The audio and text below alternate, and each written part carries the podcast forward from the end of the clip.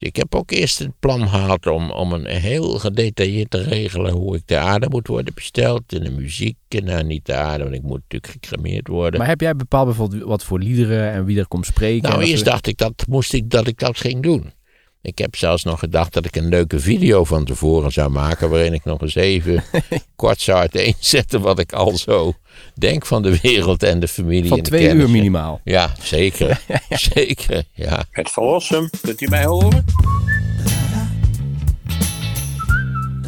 Even niet vergeten aan het begin te vertellen dat er dus als mensen 20 september, dat is dinsdag, als ze dan nog, Ja. eh, als ze dan nog niets te doen hebben, dan zijn er nog een paar, ik weet niet hoeveel, maar volgens mij nog negen of acht, acht kaartjes voor eh, de voorstelling. Als je het leuk vindt om erbij te zijn bij de podcast en de laatste kaartjes te scoren, dan eh, check even onze show notes. De beschrijving bij deze podcast is dat, want daar eh, staat eh, een linkje. Ik heb één introducee, dus één kaartje. Oh, oké.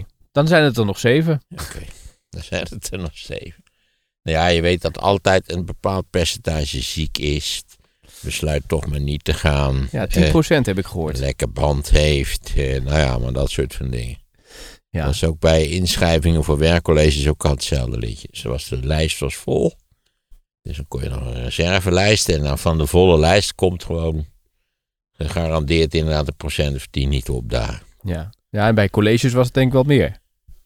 Nou ja, die zijn vrij. Dus daar hoefde je, daar was, je was niet verplicht om te gaan. Maar het was niet zo dat je aan het einde zo'n lijst liet rondgaan, even aftekenen als je er bent. Nee, nooit. Overigens werkte dat ook niet, hè? Want dan tekende je gewoon af voor je buurman of voor je vriend.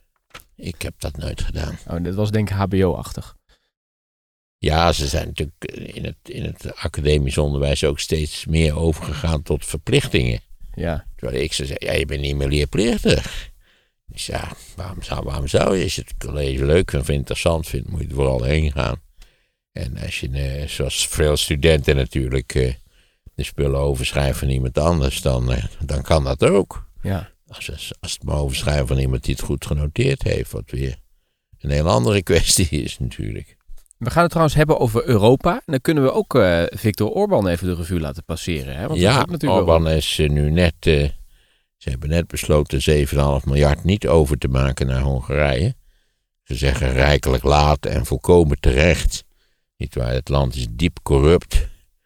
Ik geloof dat de EU-gelden ook eh, gebruikt worden voor de voetbalvereniging uit het dorp van Orban. Ja, allemaal vrienden krijgen Ja, geld. Ja. precies. Dus dat is allemaal, ja, het is, dat is toch eigenlijk, je kunt dan nog zeggen, nou, ik heb niks met de, met de liberale democratie, zoals Orbán zegt. Hè. We moeten naar een illiberal regime in feite. Maar als je dan toch een voorbeeld wil stellen, je wilt dat het anders is, waarom dan die diepe corruptie waar dit soort van personen altijd toe overgaan? Hè? Volkomen nutteloze objecten, eh, naar geld weggooierij aan vrienden en kennissen het bevoordelen van, van, van kameraden die grote ondernemingen leiden. Het is altijd hetzelfde liedje bij dit soort volk. Ja, Het lijkt wel in de volksaard te zitten daar. ah, dat ja, is dus een beetje dat Hongaren per definitie oplichters zijn. Dat Nou ja, het hele gedoe gedoe daar in het oosten. In Oekraïne is dat toch ook zo? zeker. En in Rusland is het natuurlijk ook zo. Oekraïne schijnt wel iets verbeterd te zijn, maar ook voor de Oekraïne lijkt mij nu ook geboden. Hè, ze op grote schaal internationale assistentie krijgen om ook werk te maken van dit aspect van die samenleving. Om die, die corruptie in ieder geval enigszins terug te dringen. Eh, ja, of je dat kan zeggen dat het nou in de volksziel verankerd zit, vind ik, eh, vind ik vrij betrekkelijk ver gaan. Je kan ook zeggen dat het in, in lieden die iets te vertellen hebben, of in de besturende elite, dat het daar vaak een, een endemisch kwaad is. Dat, dat men daar het min of meer als normaal beschouwt. eh, om, om vrienden en kennissen vooral eh, terzijde te staan in de, in de harde strijd tegen het menselijk lot. Maar dat heet, kun je ook een, daar is een term voor, cliëntelisme. En dat begint natuurlijk in feite al, al in België. Hè? Ja, god, als je neef. eh, kun je ook zorgen dat je neef een prettige baan krijgt, die goed betaald wordt en zo. Het aantal landen wat niet corrupt is, of, of de minst corrupte landen, dat. eh, nou ja, ik wil nou verder weer niet iets flauws zeggen over Limburg, maar we weten allemaal dat het cliëntelisme daar in feite ook eh, vrij diep verankerd is. Dat je, ja, dat je, eh, je politieke leven is verbonden met een netwerk van, van kennissen, vrienden, familieleden die Nou ja, die je wel eens een bordje toewerpt, bij wijze van spreken. Het minst corrupte land, er worden lijsten bijgehouden van corrupte landen. En het minst corrupte land ter, land ter wereld is Finland. Vandaar ook dat ik vond dat dat dansen van die minister-president eigenlijk ook als een vreugdedans kan worden gezien. Hè, voor het feit dat Finland verder wel een tip-top land is. Ja. Even afgezien van die muggen dan. Zijn er veel muggen? In Finland, verschrikkelijk. Heb je wel eens verteld inderdaad, ja. Dat er veel muggen Ik zitten. begreep dat dat ook een enorme rem is op het zomerse toeristenverkeer. Dat er zo ontzettend. ik heb- Als je natuurlijk even naar de kaart van Finland kijkt, dan zie je hoeveel meren er in Finland zijn. Hoeveel stilstaand water er in Finland is. En nou ja, daar, daar nestelen die knutten of knotten of hoe ze mogen Ja. heten daar. Ja, je kunt je natuurlijk insmeren met dat spul, hè? Ik weet niet, want als je, dan- dan lig je in bed ingesmeerd met dat spul. En dan, en dan voordat je in slaap valt, hoor je dan. Dan denk je, ik ga hem toch, je knipt het licht aan en je gaat erachteraan. Maar nee, het is een heel frustrerend geluid. Hoe heet dat, zo'n zo'n klamboe? Kun je daar niet in gaan slapen? Ja, door mijn kleinkinderen op Texel. Die hebben zo'n klamboe. Ja, die had ik niet bij de hand. Nee. Ik heb ze tenslotte allemaal doodgeslagen. Terwijl ik verder ben ik een heel diervriendelijk mens. Bijzonder empathisch. Maar ja, bij de muggen denk je toch, oké, ze komen mij toch steken. Dus ik, ik mag er wel eentje doodslaan. Ja. En je moet natuurlijk oppassen dat je niet die langpootmuggen, die kunnen totaal geen kwaad. Die knisteren maar een beetje rond en die maken een volstrekt hulpeloze indruk. Maar het zijn die, het zijn die betrekkelijk kleine muggen die de echte steekmuggen zijn. Ze leven van je bloed, hè? Eh, Ja, ik geloof dat ze dat nodig hebben ook om, om hun voortplanting te, te regelen. Ja. Is het zo dat ze eerst... Ik heb verder niks tegen, ja, die beesten kan er ook niks aan doen. Nee. Dat is hun eh, genetische erfenis natuurlijk. Maar ik heb het wel eens gehoord, ze steken eerst en dan komen ze de volgende nacht terug om het bloed te halen. Daar geloof ik geen flikker van.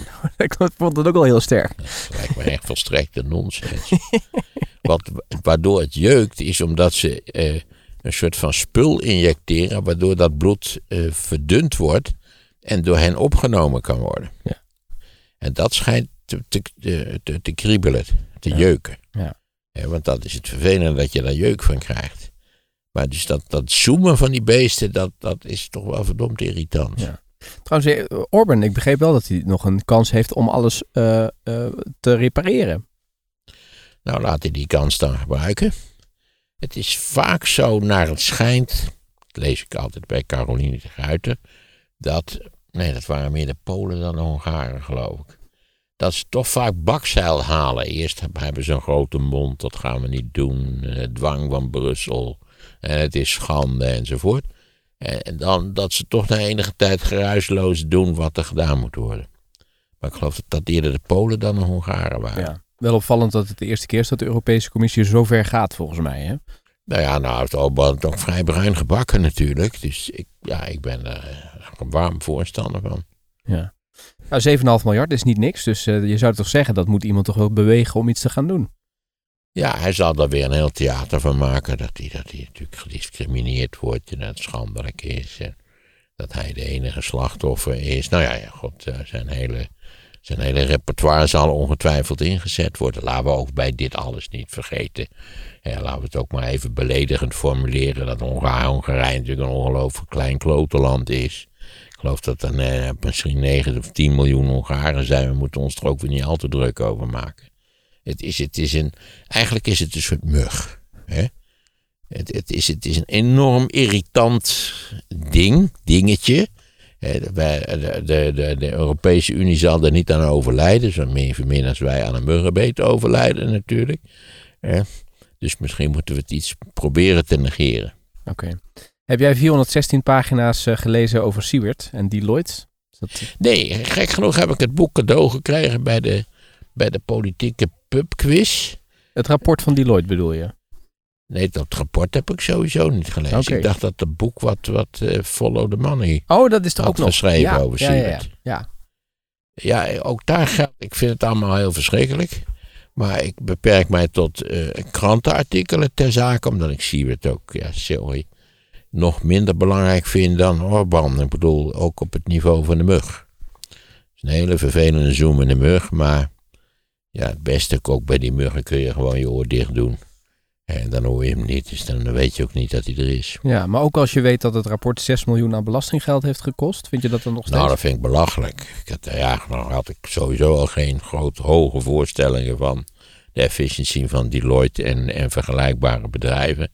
Dat zijn natuurlijk ook meesterlijke urenschrijvers eerste klas. Ja, Ja, dus bij elke windlaar schrijven ze weer eh, eh, een, flink, een flink bedrag op. ja. En dan volgens mij de, de laagste in de rang, die, die, daar rekenen ze al 260 euro per uur voor. Ja, dus ik. eh, ja, is, is er veel duidelijk geworden wat wij eigenlijk niet wisten? Nee, dat is het juist. Het, het is een beetje, het is iets rommeliger geworden dan wij dachten dat het eruit zag. En wat ik erg miste was dat al die verhalen die ik al eerder had gelezen, namelijk dat de ambtenaren tegen de minister of, of de, tegen Van Rijn, die toen geloof ik staatssecretaris was, of nou ja, tijdelijk, hè, hadden gezegd, joh, we hebben die boel helemaal niet nodig. Het is echt, het, doe het niet, het is echt nergens goed voor. Maar dat zag ik hierbij niet, niet, dat werd hierbij niet duidelijk gemaakt. Nee. En nu blijken sommige mensen het weer wel te hebben geweten en anderen juist weer niet, enzovoort, enzovoort. Ja, het feit dat Feit is natuurlijk dat in de publieke opinie Siewert voortdurend beweerd heeft dat hij dit om niet deed. En om de mensheid te helpen. En dat hij vervelende tweets stuurde als het ministerie niet opschoot. Eh, Ja, toen heeft de jongen heeft eh, gezegd tegen de topambtenaar, ga toch eens met hem praten. ja, Want je kunt hem beter, we moeten niet met zijn, stel dat hij maskers gaat inkopen, gaan we concurreren met onze eigen inkooporganisatie met zijn ja inkoopgedoe. nou goed, het had nooit moeten gebeuren. Het, is, Nee. het, het was natuurlijk een verwarde situatie en er stond er natuurlijk druk op. Dat begrijp ik allemaal wel. Maar het had niet moeten gebeuren. Wist nog En dat... het feit dat Siewert dat gedaan heeft, nietwaar? Iemand die al jarenlang poseerde als een soort van vervanger van de Heer Jezus op aarde in de talkshows. Dat maakt de zaak wel extra pijnlijk natuurlijk. Dat jij- het gewoon een schijnheilige oplichter is. Ja. Nou, hij was er heel Daar snel. komt hij ook niet vanaf. Nee, precies, dat is, hij is natuurlijk helemaal beschadigd door... eh, door Ja, de- nu is hij multimiljonair, want het was ook weer gillend rijk. Ja, En waren dat zal hem zijn hele leven zal het hem achtervolgen. Ik, als ik hem een, een, tip mag geven, joh, emigreer. Eh, want je zult hier eeuwig nagewezen worden, je kinderen ook. Het is gewoon heel vervelend. Ja. Wist jij dat Omzicht daar ook nog een rol in heeft gespeeld? Want die komt ook een paar keer terug in dat rapport. Nee, dat wist ik niet. Omzicht die, heeft, eh, die, die zat natuurlijk in dat CDA-clubje, toen nog. Waar Siewert natuurlijk ook in de programmacommissie volgens mij zat. En Siewert heeft natuurlijk gezegd, hé hey, eh, Pieter, is dit niet leuk voor jou om, eh, om aan mee te helpen? En dat vond uh, Omzicht volgens mij wel interessant. Dus die heeft meegeschreven aan teksten die gemaakt moesten worden. Ja, Hij heeft ook een bestuursfunctie aangeboden gekregen in die stichting. Die hulptroepenalliantie, maar dat heeft hij niet gedaan. Ehm, dus nou ja, de, maar was dat, eh, was, betekent dit dat Omzicht ook op de hoogte was van de, nee, dat was dus wel een vraag. omvangrijke winsten die op dit Nee. eh, pro-product, want het is nooit gebruikt, heb ik begrepen. Nee, precies. Die, die maskers bedoel je. Ja. ja nee, omzicht Nou, wist het begreep ik niet. dat er sowieso miljarden over de balk waren gegooid voor beschermingsmiddelen. Omdat er natuurlijk zeker in het begin ook paniek was dat we die eigenlijk niet hadden. Je geldt weer dat er jarenlang gewaarschuwd is voor een pandemie. Zorg dat je de boel op orde hebt. Eh, zorg dat er voorraden van die spullen zijn. Zo moeilijk is dat niet. En toen het puntje bij paaltje kwam, waren ze er niet. Hm. Voor strooizout, dat hebben we toch ook liggen in. Voor het geval dat. We hopen natuurlijk nu dat er helemaal geen winter komt. Maar als het mocht er toch eentje komen, dan is er strooizout. Je hebt die foto's wel eens gezien van zo'n loods met, Ja, indrukwekkend. met honderden, zo niet duizenden tonnen strooizout. Ja. Nou, als we dat kunnen, waarom zouden we dan in dit geval zo hopeloos gefaald hebben? Waar zou dat strooizout vandaan komen? Ik weet niet, volgens mij is het niet, niet geraffineerd zout. Dus het, het, maar, ja, ik heb het eigenlijk nooit geproefd. Nu je het zegt, moet ik misschien bij komende winter, als er weer gestrooid wordt, dat je eens een handje strooizout naar binnen werkt. Hè? Het is niet wat je ook op de frietjes doet. Nee, daarom zeg ik, ik denk dat het niet, niet geraffineerd is in de zin dat het niet schoongemaakt is. Nee, nee. Maar daar hebben we er genoeg van als je die wagens ziet rijden. Dus die Ja, we zijn prima voorbereid. Op Ja. het punt van strooizout zijn we goed voorbereid. Dus Ja. als je op strooizout goed kunt zijn voorbereid, waarom ben je dan niet voorbereid op een pandemie? Dat Ja. waren we dus niet. Ja. En dan komen we weer terug op ons klassieke punt van, van eh, wat eigenlijk een steeds duidelijke rol speelt, dat de Nederlandse overheid niet best functioneert. Nee, nee. En dat is natuurlijk interessant in dit hele onderzoek om te zien hè, hoe dus eh, de top van VWS, hoe de, daar dus ook oneenigheid is. Hè. Een minister die zegt je moet het wel doen op topambtenaren die het dan maar doen omdat die eh, Volgens mij zei een topambtenaar tegen Hugo de Jong... op jouw verzoek ga ik knuffelen tussen aanhalingstekens met Siebert. Waarmee die bedoelde, dan ga ik met hem in gesprek. dat sowieso. Dit, de hele situatie, laten we er een lijstje omheen zetten. Je kijkt naar het schilderij wat in het lijstje zit en dan moet je toch zeggen, dit deugt niet. Daar zijn redenen voor. Dat is begrijpelijk, deels is het uitlegbaar. Maar de hoofdrolspelers hebben zich niet gedragen zoals ze, zoals ze zich hadden moeten gedragen. Ik zwijg nu van de allerbelangrijkste hoofdrolspeler, nietwaar? De schijnheilige kletsmajor Siewert. Nou, hij zei wel, ik heb wel een fout gemaakt... en dat ik niet duidelijk heb gezegd van dit gedeelte gaat via de BV... en daar wordt dus winst van gemaakt. En dit gedeelte gaat via de stichting. Ja, en dat zegt hij nu natuurlijk omdat er een grote rel ontstaan is over die hele kwestie. Maar dat hadden Ja. we nooit gehoord natuurlijk als die rel niet ontstaan was. Ja. Nou, hij was zelf toch, zag je in zijn uitingen, erg tevreden en blij met het rapport. Omdat hij zei van ja, er staat eigenlijk in dat we juridisch niets verkeerd hebben gedaan. Nee, dat had ik al, we hebben het al eerder over gehad. Ik denk die twee rechtszaken zijn te winnen van Randstad en, en nog zo wat. Van die lui die dus ja. om niet geholpen hebben terwijl het niet om niet ging. Dat, maar dat die, eh, de, de winsten die ze gemaakt hebben, denk ik, die blijven juridisch buitenschot. ja. Nou, het OM gaat wel nog door met het onderzoek hè, naar in ieder geval de personen. Volgens mij de stichting, dat hebben ze geseponeerd vorige ja, week. dus dat, ja, dat, dat er natuurlijk toch van misleiding sprake is geweest, is vrij evident. Of misleiding ertoe kan leiden dat je een op zichzelf, naar ik begreep, normaal contract eh, als, als onjuist of, of half crimineel kunt beschouwen, dat weet ik niet. Nee, nee. Maar feit is wat je zegt, eh, het eh, rapport is vrij onbevredigend. Volgens mij werd er meer van verwacht. Van de uitkomsten. Nou, zoals zo vaak, als je dingen gedetailleerd onderzoekt, blijkt het ingewikkelder te zijn, Ja. onduidelijker, verwarder. eh, ja.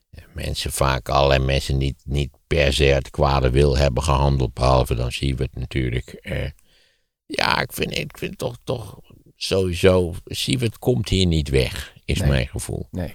Het is toch heel bedenkelijk wat hij gedaan heeft. Ook die, die, die, die geluidsrestanten die we gehoord hebben, daar zie je toch ook dat, het, dat ze verdomd goed wisten dat ze Ja. bezig waren met iets te doen wat niet deugde. Ja.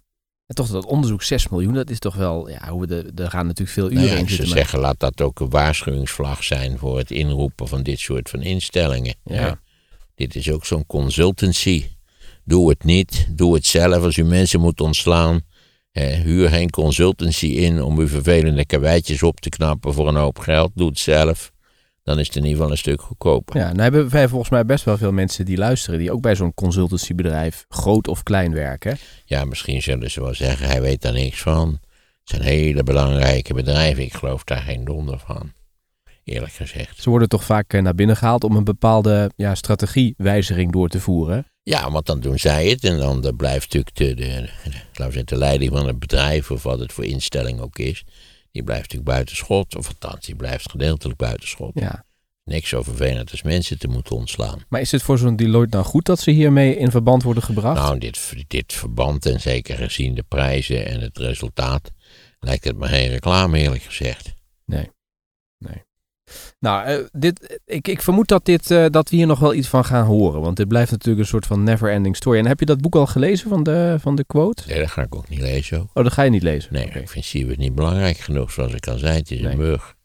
oké. dus, Vervelend, het zoomt, maar, maar het is een mug. ja, dus dat boek dat eh, gooi je of weg? Of geef je het dan weer door aan iemand anders? Nee, ik doe het cadeau aan mensen. Ik heb zo'n stapeltje. Waarvan je denkt, die vinden dit wel interessant.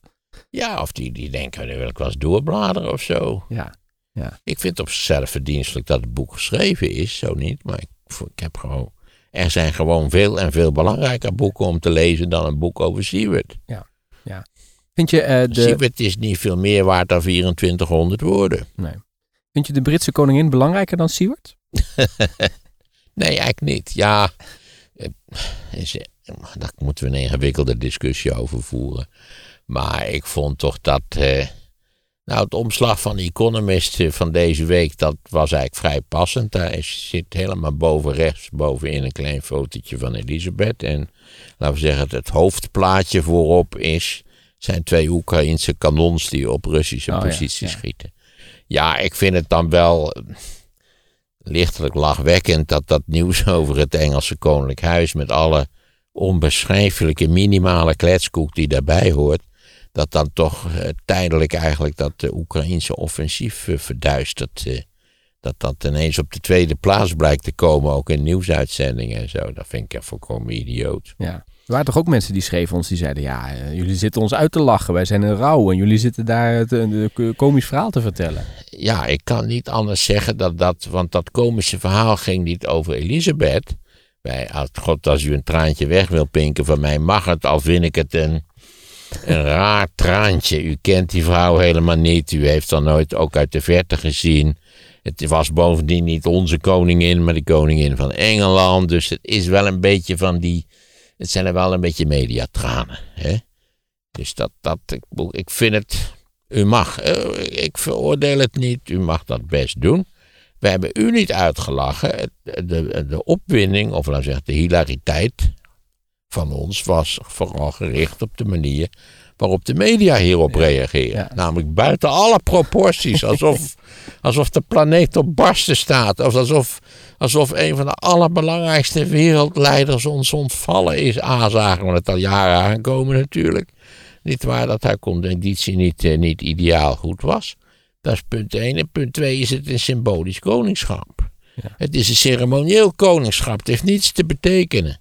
Als Engeland tussen 52 en nu eh, zes verschillende half alcoholische koningen had gehad, dan had het verder niets uitgemaakt over de rol die Engeland in die jaren in de wereld heeft gespeeld. Ja, Maar nu was het een anker van de natie en nou, ik weet allemaal niet wat voor flauwekul. ja. Maar dat mensen toch een dag in de rij gaan staan om maar de laatste eer te bewijzen. Dag, meer dan een dag begreep ik. Oh, nog langer zelfs. Ja, en dan wordt er nu weer bericht, dat is ook gewoon op, op, eh, op teletext en zo, dat, dat Harry en, en, en, en die William er ook bij zijn gaan staan. Of dat, dat eh, Karel de derde en, en dat die er...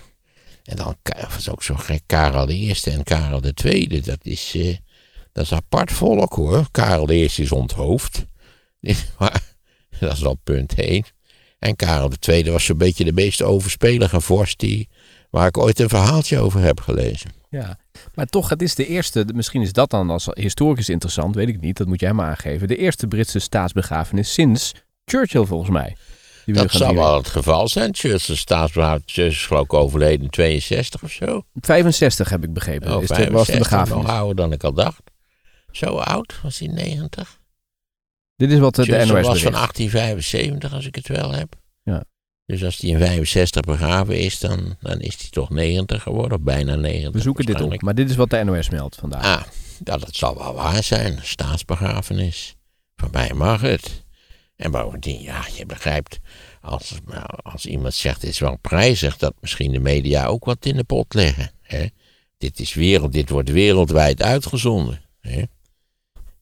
Want dat is het gekke natuurlijk, dat we toch een beetje doen alsof Engeland nog is wat het in 1952 was. Ja, precies. Toen was het al een aftakelend empire natuurlijk, had zeker voor degene Toen was er wel nog zo'n 70 landen die erbij hoorden. Hè? ja, en nu, nu, wordt, nu wordt toch ook weer. Het, het lijkt wel of er toch nog een schim is van. van, eh, van het Engeland, eh, wat laten we zeggen, eh, van de 19e eeuw. En, en de eerste helft van de 20e eeuw dateerde. Dat heb je het gevoel van, ja. Maar ja, zou, zou stel voor dat morgen de Deense koningin doodgaat. Is toch ook een koningin, of niet? Ja, ja. Zouden we dan ook een wereldwijde staatsbegrafenis krijgen? En, en, en de prinsjes en de, en de kinderen van de prinsjes. En nou, dat ook die mensen die nu dan een traan, die hebben gerouwd om Elisabeth, gaan die ook rouwen over de Deense koningin? De Zweedse koningin of de Noorse koningin? Of, of gaat u nou ja, Willem-Alexander, dat wordt al heel wat huilen natuurlijk. Goed, daar zullen we, zal ik niet bij zijn. Dus eh, ja, het is, ik, ik wantrouw ook het verdriet over iemand ja, die, die ver van jou staat. En Ze heeft alles eh, tot in detail heeft ze bepaald zelf. Hè? Dus ze is gaan zitten een keer. Nou ja, dat is mooi. Dat is ook een houding die je kunt hebben. Ik zou zeggen, we maken uit wat er gebeurt als je door dood bent. Ja. Dus ik heb ook eerst het plan gehad om, om een heel gedetailleerd te regelen hoe ik de aarde moet worden besteld. En de muziek, nou niet de aarde, want ik moet natuurlijk gecremeerd worden. Dat begraven is ook grote flauwekul. Hè, want zij wordt in een kist gelegd en zo'n, in, de, in, zo'n, in zo'n crypte. Hè. Ik weet niet of je die crypte daar onder de Nieuwe Kerk in Delft wel eens hebt gezien. Nou, daar wil je niet liggen, hè. Op beelden wel eens, ja. Daar wil je niet liggen. Daar hoor je, ik kan beter gecremeerd worden. Het was toch vol nu ook daar? Ja, dat was, we hebben hem nu uitgebreid. Ze kunnen er nog even tegenaan, eh, als ik het allemaal goed begrepen heb. Maar zij moet ook in een crypte. Vreselijk. Lijkt mij echt verschrikkelijk. Ze Ja. dan langzaam liggen te, liggen te verdrogen, zou Ja. ik nou maar Het zeggen. enige gezonde aan het cremeren vind ik dat die, die mooie kist, dat die dan ineens ook verbrand wordt. Nou, ten eerste worden de dingen, die, die hengsels en zo die eraan zitten, die worden weer, af, er weer afgeschroefd. Ja. En je kunt er een kist van waaibomenhout bestellen. Dus Ja, je, dat is waar. je hoeft helemaal geen cederhouten kist te bestellen. Je kunt, eh, je kunt echt, nog- nogmaals, waaibomenhout is prima. Van mislukte populiere hout, weet ik veel. Ja. Mogelijkheden genoeg. Maar heb jij bepaald bijvoorbeeld wat voor liederen en wie er komt spreken? Nou, eerst dacht ik dat, moest ik dat ik dat ging doen. Ik heb zelfs nog gedacht dat ik een leuke video van tevoren zou maken. waarin ik nog eens even kort zou uiteenzetten. wat ik al zo denk van de wereld en de familie. Van en de twee uur minimaal. Ja, zeker. Zeker, ja. En dat de mensen echt beginnen te. ja, ik, eh, ik was, in het, eh, was in het theater in. eh, God, hoe heet het ook alweer? Boven Karspel. Het theater Het Postkantoor, vrijdagavond. En ik had van degene die dat programmeert, had ik een mailtje gekregen. Maak het niet te lang. Dus kennelijk is toch het gerucht doorgedrongen dat ik de neiging heb om eindeloos door te kletsen. Ja. Het is niet helemaal gelukt. Nee? Wa- Waar Nou, wel... het schijnt dat de ideale tijd voor mensen die in een theater optreden is 90 minuten. Oké, anderhalf uur. Ja, anderhalf uur. Maar dit lukt mij nooit. En dat is zonder pauze dan, hè? Ja, dat is pauze. Dat we nooit om nooit aan pauzes beginnen. Ja. Meteen, je moet meteen voor elk optreden schrap de pauzes. Hè? Want de mensen drinken dan een glaasje in de pauze en dan zijn ze onrustig. En dan moet je ze weer terug zien te krijgen in zeg maar, de concentratie. Nooit pauzes houden. Dat, pauzes zijn hopeloos. Pauzes worden ook alleen maar gehouden voor de catering natuurlijk. Ja. Omdat dan zo'n glaasje wijn, daar wordt goed aan verdiend. Maar heb jij doordat mensen een beetje ongerustig worden als het te lang duurt? Dat ze een beetje beginnen Nou, te een enkele maal. Vooral als ik, als ik het dan langer dan 2,5 uur laat duren. Dus dat is Lopen eh, mensen wel eens weg dan? Ja, en dan, ze zijn dan excuseren zich keurig. Dan zijn er de oppas die moet om tien uur weg. Of weet, maar ja, zoiets dergelijks is het meestal. De laatste bus naar die check dat deel moeten we zien te halen. Dat, daar heb ik alle begrip voor. Ik heb ook eens gezegd, goed, als je weg moet, doe het rustig. Maar dan maken wij het toch even af. Ja. Nou ja, sommige dingen kun je ook niet eh, te snel doen. Dan moet je grondig natuurlijk eh, bespreken. Nee, vaak kom ik aan het hoofdonderwerp pas toe als het laatste kwartier is aangebroken. Maar goed, ik vond het wel amusant dat ik een mail kreeg van maak het niet te lang. Ja. Nou, ik heb ook gehoord dat door corona dat mensen dat die spanningsboog veel korter is geworden. Nou ja, heb ik altijd begrepen dat de spanningsboog van een volwassen persoon is 12 minuten. Oh, kijk. Nou ja, dan, eh, dan zit je met anderhalf uur ook wel ruim erboven natuurlijk. Dus eh, Ja, maar god, ik maak het, ze hoeven ook niet voortdurend, dus ze kunnen best eens even wegdoezelen. Of eh, ja. als ze maar niet zichtbaar op hun horloge kijken, vind Ja. ik het allemaal prima. Nog één dingetje wat ik wel interessant vond aan dat hele Koningshuis is dat zij natuurlijk, volgens mij hebben ze 28 miljard vermogen, eh, 30 paleizen, 600 Da Vinci tekeningen. maar ze doen zich voorkomen alsof het hele normale burgers zijn. Hè? Volgens mij Kate en William gingen de kinderspullen bij Ikea halen. De paradox van het moderne koningschap is dat ze volkomen abnormale levens leiden. Zoveel is natuurlijk wel duidelijk. Maar dat ze zoveel mogelijk moeten proberen om, om gewoon te zijn. Dat is dus een hele interessante, permanente spanning tussen het idiote leven wat ze noodzakelijkerwijs moeten leiden als ceremoniële vorsten en staatshoofden. En, en de eis om zo gewoon mogelijk te doen. Charles bewaarde ook de kliekjes, want hij zei zonde om eh, eten weg te Ja, gooien. dat verbaast me niks, want een zeikneus zou ik ook niet, zou, zou, zou ik helemaal niet doen. Zou steeds, zou, zou ik, ik zou steeds denken, ik heb 36 miljard. Dan hoef ik toch niet de gebakken aardappelen van gisteren te bewaren. Nee. En, en de koningin die had schijnbaar een kacheltje om de kamertjes mee te verwarmen. Dat is typisch voor Engeland. Ik heb daar wel eens gelogeerd bij mensen. Midden in de winter. Dit was in Nottingham. En dan werd de huiskamer verwarmd met zo'n, met zo'n straalkacheltje, weet je wel. Met drie van, die, drie van die rode staafjes erin. En je zat daar van nachelen van de kou, man. Verschrikkelijk gewoon.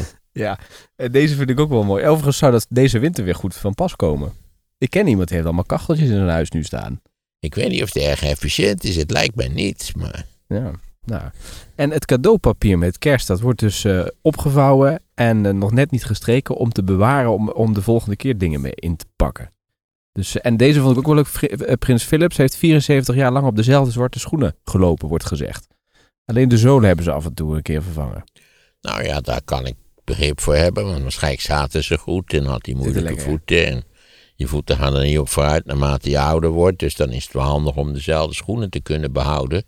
Al ik koop ik gewoon een nieuw paar van deze, deze schoenen op het internet, die kosten 40 piek of zo. Dus dat lijkt mij, de, het verzolen van de schoenen van Philip, denk ik, was duurder dan 40 piek als je het mij vraagt. Ja. Kijk, wat, wat we hier horen, dit soort van besparingsmaatregelen, ja, dat heeft in een hoge mate een symbolisch karakter. Ja.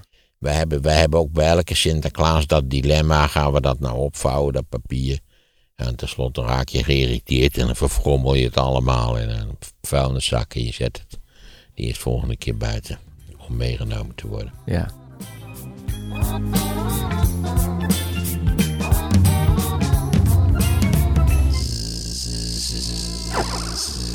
Ik heb laatst gelezen wat, wat de Apple eraan verdient en wat de Chinezen eraan verdienen. En dan moet je toch ook als Chinees denken, we doen iets fout. Dit moet op korte termijn moet dit veranderd worden. Want dit is een hele onrechtvaardige zaak. En dat is het ook in allerlei opzichten. Maarten over de geschiedenis van China. Wat zich voltrekt in China en India en andere Aziatische landen... is niet meer dan een onderdeel van datzelfde enorme proces... wat ooit begonnen is tussen 1690 en 1750. Download het luisterboek via de link in de show notes.